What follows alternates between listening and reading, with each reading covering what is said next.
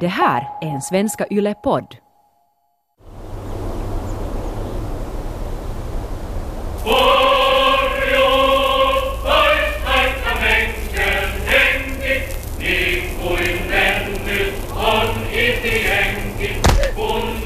President och fru Stålberg enleverade försvinna under morgonpromenad på Brändövägen.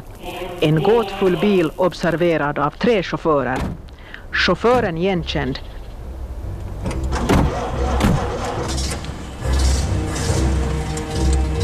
Resan fortsatte. Vi satt återigen tysta, hand i hand. Finlands första president K.J. Ståhlberg med fru Ester kidnappas av högerradikala aktivister under sin morgonpromenad i oktober 1930. Presidentparet tvingas in i en svart Chevrolet med täckta fönster. Jag undrade allt mer över varför ingen hade slagit larm där hemma. Å andra sidan hade jag inte sagt något till någon. Men vi hade varken kommit till frukosten eller kaffet. Och nu var middagstiden redan förbi. För det hördes nyheter på radion. I övrigt visste jag ingenting om tidens gång. Hur kunde det vara möjligt att ingen visste något? Vi åkte bort från Varkaus. Landskapet blev allt dystrare. Kvällen mörknade.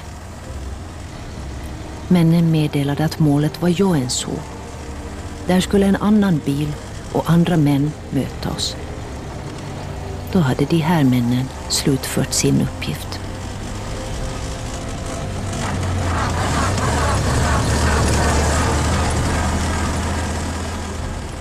Resan som har börjat på Brändö i Helsingfors har nu passerat Varkaus. Och presidentparet får veta att man är på väg till Joensuu och bilbyte. Men vad ska hända sen? Vart är man på väg? Mot gränsen och Sovjetunionen eller mot något ännu värre? Det här är tredje och sista delen av Svenska Yles podcastserie om skjutsningarna i Finland. Av mig, Mikaela Wörlander. Birte Wingren läser ur Ester Ståhlbergs dagbok.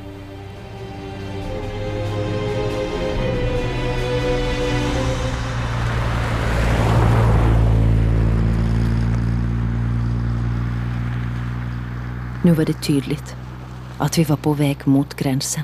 Varför skulle vi annars till Joensuu? Jag greps av en känsla av enorm otrygghet. En gång när männen samtalade riktigt högljutt viskade jag till John. Vart tror du de för oss? Får väl se. Det kom med den vanliga lugna betoning som jag kände så väl. Tyngden på första ordet, långsamt. Får väl se. Tror du att vi klarar den här resan med livet i behåll? Får väl se. Det kom helt utan rädsla. Som om det varit frågan om vilken vardaglig sak som helst. Visst fanns det en viss högtidlighet i svaret. Men samtidigt en djup frid.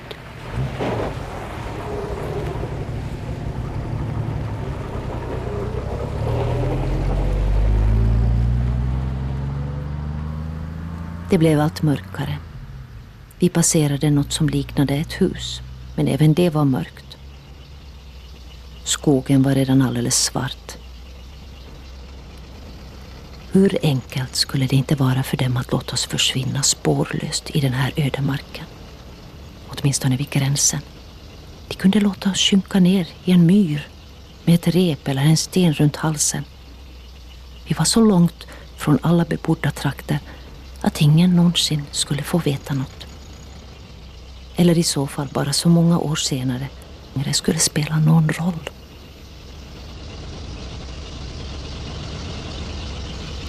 Sommaren 1930 är våldsam i Finland. På tisdags eftermiddagen spreds det uppskakande meddelandet att president Ståhlberg och hans maka med all sannolikhet blivit enleverade i en mystisk bil.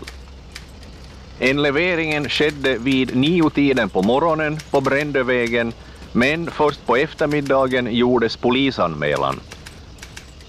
Allt tillgängligt polismanskap alarmerades. Mellan maj och oktober förs 254 människor bort från sina hem till annan ort. Ett 50-tal skjutsas över gränsen till Sovjetunionen där det, som de höga menar, hör hemma. Tre personer mördas under skjutsningarna och ännu fler dör som en följd av våldsamheterna.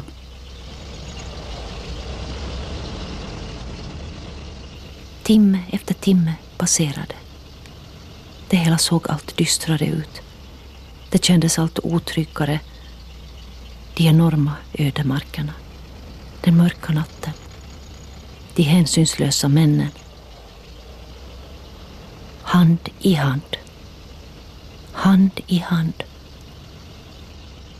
Om den andra bilen möter oss i Joensuu och vi flyttas över till den, då börjar en ny resa. Vart?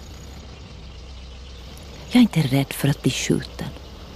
Inte för det där vapnet, det går snabbt. Men grymhet. Allt man kan föreställa sig skulle kunna hända. Vad som helst. Är det verkligen så att vi måste offras?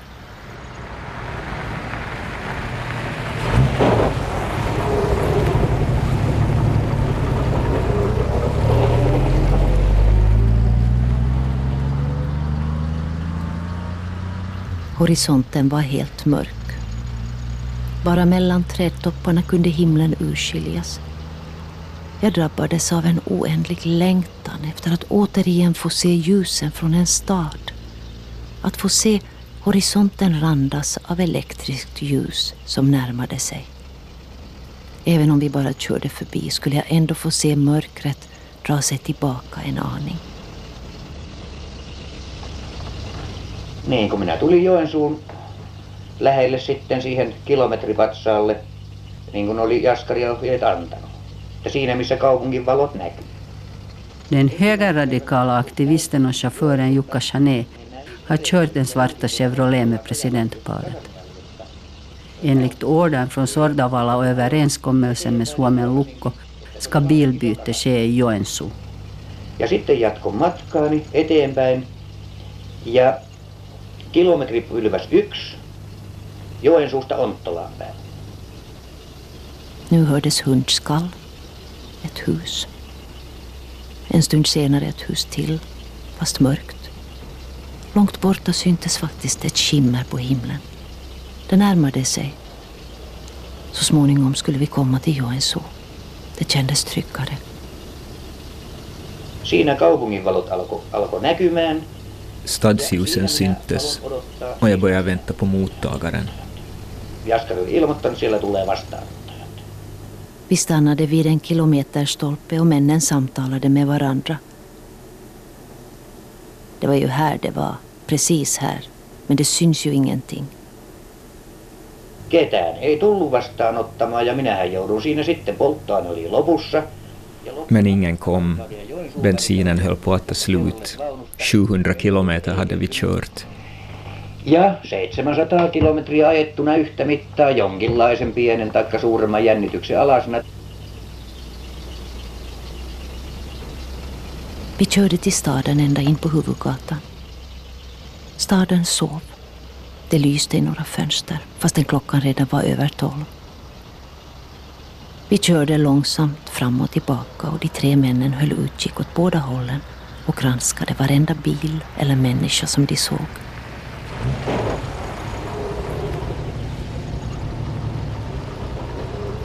De blinkade med billyktorna, men ingen bil stannade.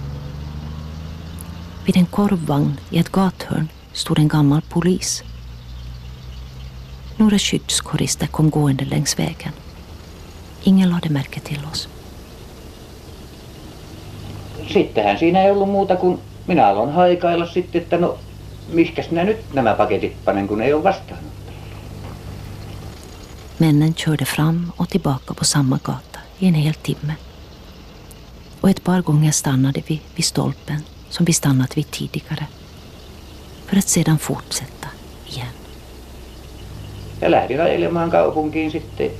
Tuomasta kai siellä jonkinlaisen meikäläisen löytää, että Vart ska jag riktigt leverera paketen? Nå, i stan ska jag väl hitta någon av de våra. Mihinkä nämä pakkaukset pannaan tästä?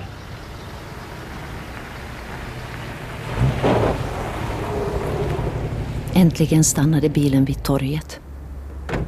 Föraren gick iväg. De andra satt stelt kvar och vaktade oss. Jag var redan så säker på att det här skulle bli vår sista resa. Eller åtminstone en resa till gränsen. Att jag inte längre väntade mig något annat än ett våldsamt slut. Jag tänkte, så här tänker jag inte försvinna. Först ska jag tala. Hör på nu, sa jag högt. John tryckte min hand för att hindra mig. Nej, nej, det tjänar ingenting till. Men jag fortsatte. Jag säger det till er nu. Rör inte den här rena mannen. Begå inte det tunga brott som ni håller på att begå. John tryckte min hand avvärjande. Order måste lydas, svarade den tjockläppade dystert. Det finns inget som tvingar er. En sån order måste inte lydas. Jag ska säga er, ni kommer aldrig att få frid i själen, aldrig sova en natt. Det här dådet kommer att följa er som en mardröm tills ni avslutar era liv i förtvivlan. Vi måste lyda. Har ni alltså inga hjärtan? Det slocknade redan för flera år sedan. Det sades dystert och uttryckslöst. De satt med böjda ryggar som tyngda av sin egen skuld, helt orörliga. Allt var alltså förlorat. Inget hjälpte längre. Vi hamnade i en mörk ljudlöshet.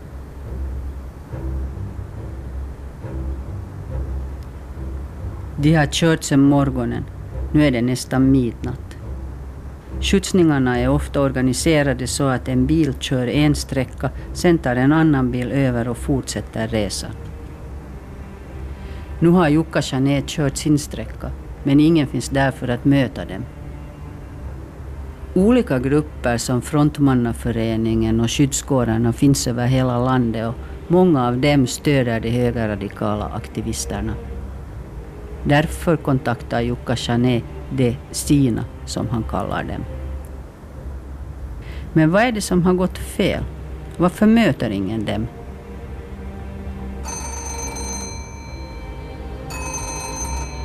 Suomen Lukos sekreterare Mikko Jaskari hade fått ordern av den berusade översten Eero Kuussaari som gett den vidare till Jukka Chané. Därefter har han i ett telegram bett om en bekräftelse och föreslagit en plats för bilbyte. Det högsta skiktet inom finska armén är inblandat. Men när meddelandet når fram till general Valenius har han inte tillgång till kodnyckeln och därför läser han inte telegrammet. När han till slut läser det stoppar han skjutsningen. Då är det redan för sent, men den kommunikationen vet Jukka Chané ingenting om.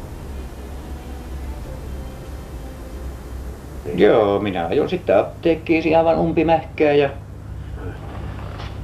ja kyselin sitten, että onko siellä nyt sellaisia henkilöitä tämä apteekkari tiedossa, jotka mahdollisesti tietäisivät jotain näistä kyydityksistä, että minullakin sattumalta on tuolla yksi pakkaus matkassa, eikä vastaanottajia ole tullut.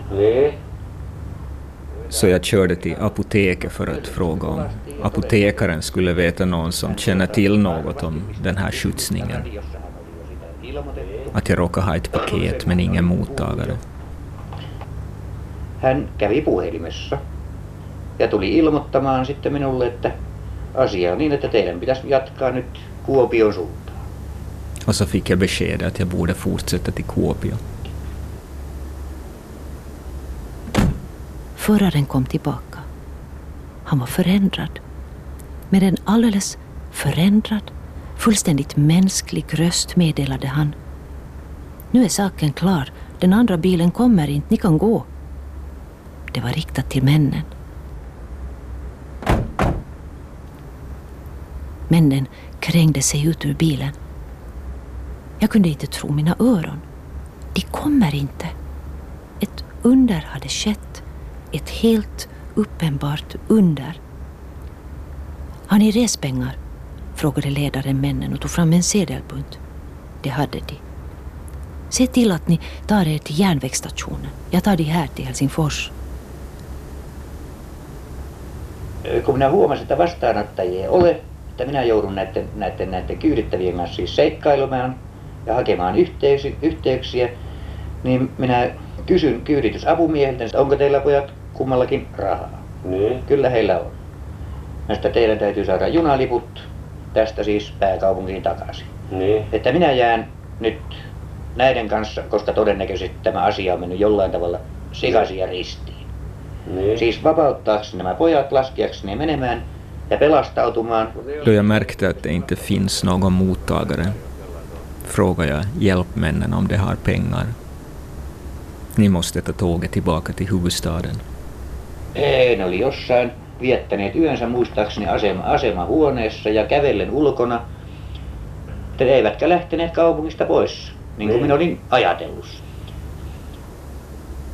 Bildörren hade lämnats öppen och han satte foten på trappsteget och sedan böjde han sig ner mot oss och talade med en civiliserad och alldeles befriad ton.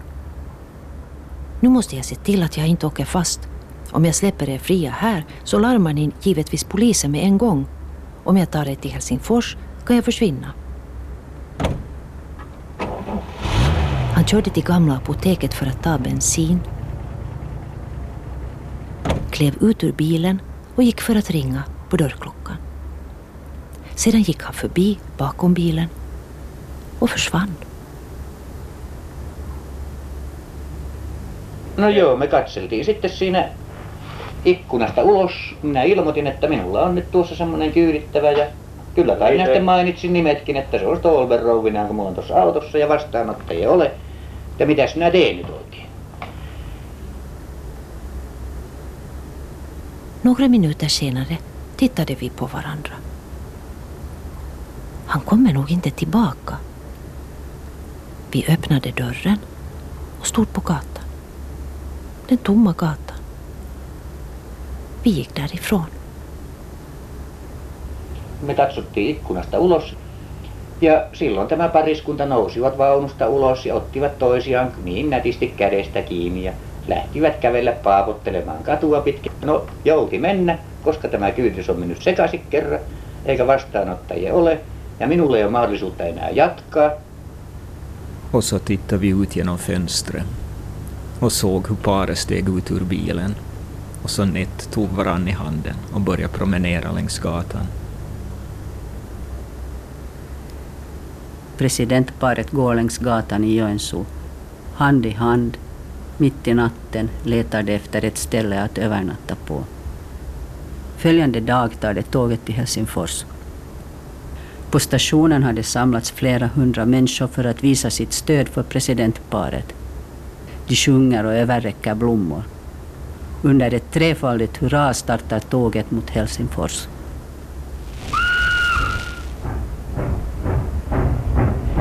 Ja sitten kun Stolberia lähdettiin komiasti viemään toisen luokan rautatievaunulla Niin jälleen on- Helsinkiä kohden, niin nämä pojat osti junaliput ja menivät kolmanteen, kolmannen luokan vaunuun samaan junaan.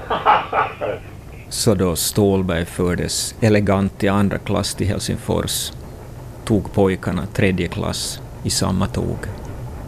Ei nämä etsivät oli sitten arvanneet, jotka siellä olivat asemalla. Niin, niin. nähneet kaksi vierasta miestä.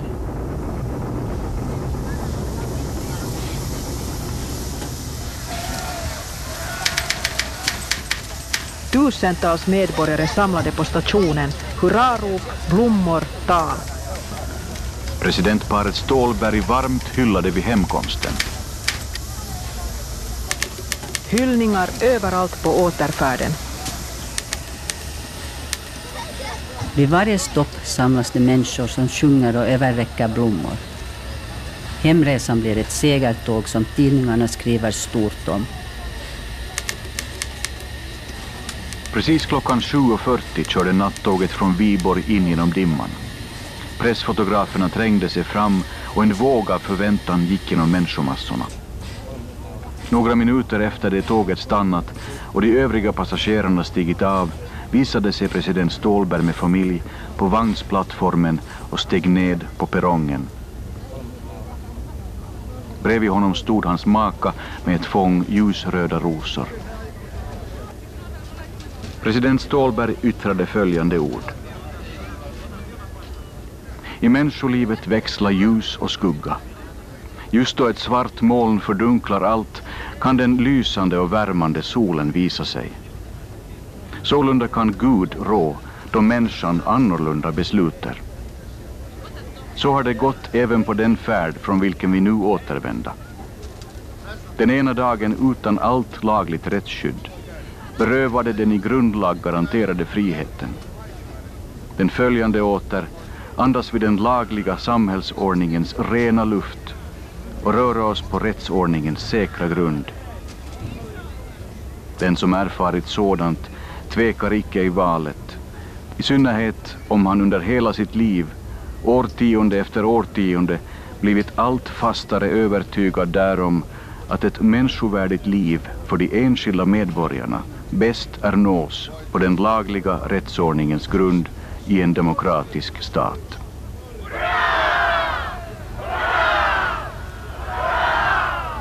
President Ståhlberg utbrakte därpå ett trefaldigt leverop för den lagliga samhällsordningen.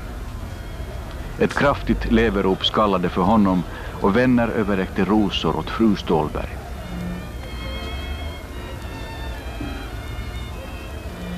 De hemkomna följdes av leverop samt viftning med hattar och näsdukar.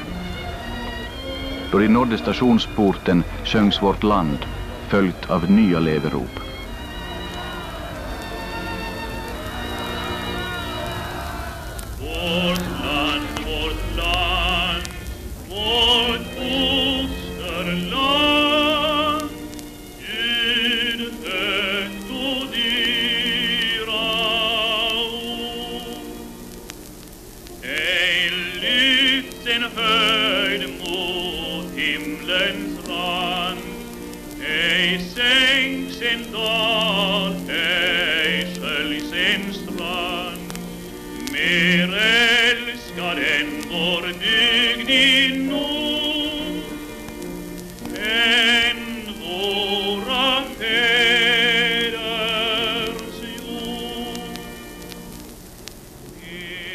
Sista skjutsningen blev en stor politisk skandal och en traumatisk händelse för de inblandade. Men kanske den också på ett underligt sätt kom att påverka det politiska livet så att säga omvänt. Sommaren 1930 hade Finland varit nära en diktatur. Men nu slutade hela med en seger för demokratin. Historikern Apo Roselius sammanfattar. Det blev för Stålberg och för moderatkretsarna inom det borgerliga Finland så blev ju på ett sätt en seger. Det fanns mycket få sympatier för de som hade skjutsat och istället var det då den här moderata linjen som segrade med och Stålberg fick på ett sätt vara den här symbolen för detta. Den här ekonomiska krisen fortsätter långt in på 30-talet, 31-32 är svåra år. Alltså det här missnöjet, oron i samhället fortsätter oberoende. Men att, ska vi säga just för den här aktivistledningen så blir det nog allt svårare att hitta ett lämpligt sätt att verka. Allt fler människor som vänder dem ryggen. Om man liksom tittar framåt, så, så vad hade det för betydelse det här som skjutsningarna eller det här som hände 1930? Då? Man kan säga att det hade den motsatta effekten till vad aktivisterna ville. Det är att den här radikalismen, högerradikalismen, kom så tydligt fram genom handlingar och genom öppet politiska krav, så fick ju nog det övriga samhället att reagera. Och det är speciellt då Socialdemokraterna, Väinö Tanners socialdemokrati, som bygger broar. Och det är det här som blir avgörande, den här och förståelsen liksom att vi tillsammans, vänstern och eh, centerblocket, måste gemensamt arbeta för laglighet och för att skydda demokratin och parlamentarismen. Så det här blir en mycket viktig faktor sen under 30-talet. Och tack vare det så förstärks också den nordiska inriktningen. Social politik får ett helt annat värde. Så att eh, eh, om man ser riktigt långt ifrån så kan man säga att det hade positiva effekter. Men det är klart att i tiden, eh, början av 30-talets Finland, så var det ju svårt att se så många positiva effekter, utan det, var, det betydde för många, många människor en, en tid av obehag och rädsla och till och med skräck. Hur skulle det kunna gå då? Hotet fanns ju att en statskupp skulle ha ägt rum där Lapporörelsen skulle ha bildat regering. Det som Lapporörelsen lyckades med var ju att skapa en ny regering, alltså att få den här svinhuvudsregeringen till stånd. Och att kraven på de så kallade kommunistlagarna som förbjöd då eh, kommunistisk verksamhet, så det fick man igenom och Lapporörelsen fick mycket igenom. De gjorde nästan en statskupp, men ändå inte riktigt. Och det att de inte helt gick till slutet med det så räddade ju den finländska demokratin under 30-talet. Men att ja, den här faran eh, för en eh, auktoritär stat, den är tydlig och klar. Det här sättet hur det skulle ha skett, den här övergången. Så det fanns det tillräckligt med exempel i Europa. Ni har lyssnat till Svenska Yles podcastserie om skjutsningarna i Finland sommaren 1930. Producent var Staffan von Martens. För ljudbearbetningen ansvarade Jyrki Häyrinen. Dramaturg var Are Nikkinen. Och jag heter Mikaela Wörlander. Och till sist en epilog. På dagen fem år senare minns Ester skjutsningen. Birte Wingren läser ur Ester Stålbergs dagbok. Vi, John och jag, var ute på promenad på morgonen. Fast lite senare än samma dag, för fem år sedan. På kvällen igår blev jag plötsligt så sorgsen. Det kändes tungt att minnas ett och annat. Varför skulle en så mörk skugga kastas över våra liv? Jag har svårt att glömma det. Även om det under längre tider kan ligga i det undermedvetnas vrår. När jag minns det känns det underligt att en så stor oförrätt och ett så hemskt dåd har kunnat ske och att det för alltid kommer att förmörka Johns levnadsgång. Varför blev just han föremål för ett sådant raseri? Först när jag låg och ruvade på dessa tankar gick det upp för mig att det var kvällen innan minnesdagen. Varje år har jag kommit ihåg dagen och gratulerat John och mig själv att vi fortfarande lever. Att deras plan gick i stöpet. Men de vann ändå mycket. Eller kan det vara så som Tanner sa när vi återvände en bättre segerresa för demokratin har ännu inte gjorts. Jag var ändå sorgsen över minnet och jag frågade John, är du inte ledsen över att det har hänt? Varför skulle jag? Förr var jag det. Men det är redan fem år sedan. Och nu är det gammalt. Kom hellre ihåg vad de gamla romarna sa. Var nära inte dig själv. Andra kan inte göra det. Med det mattades även mitt minne.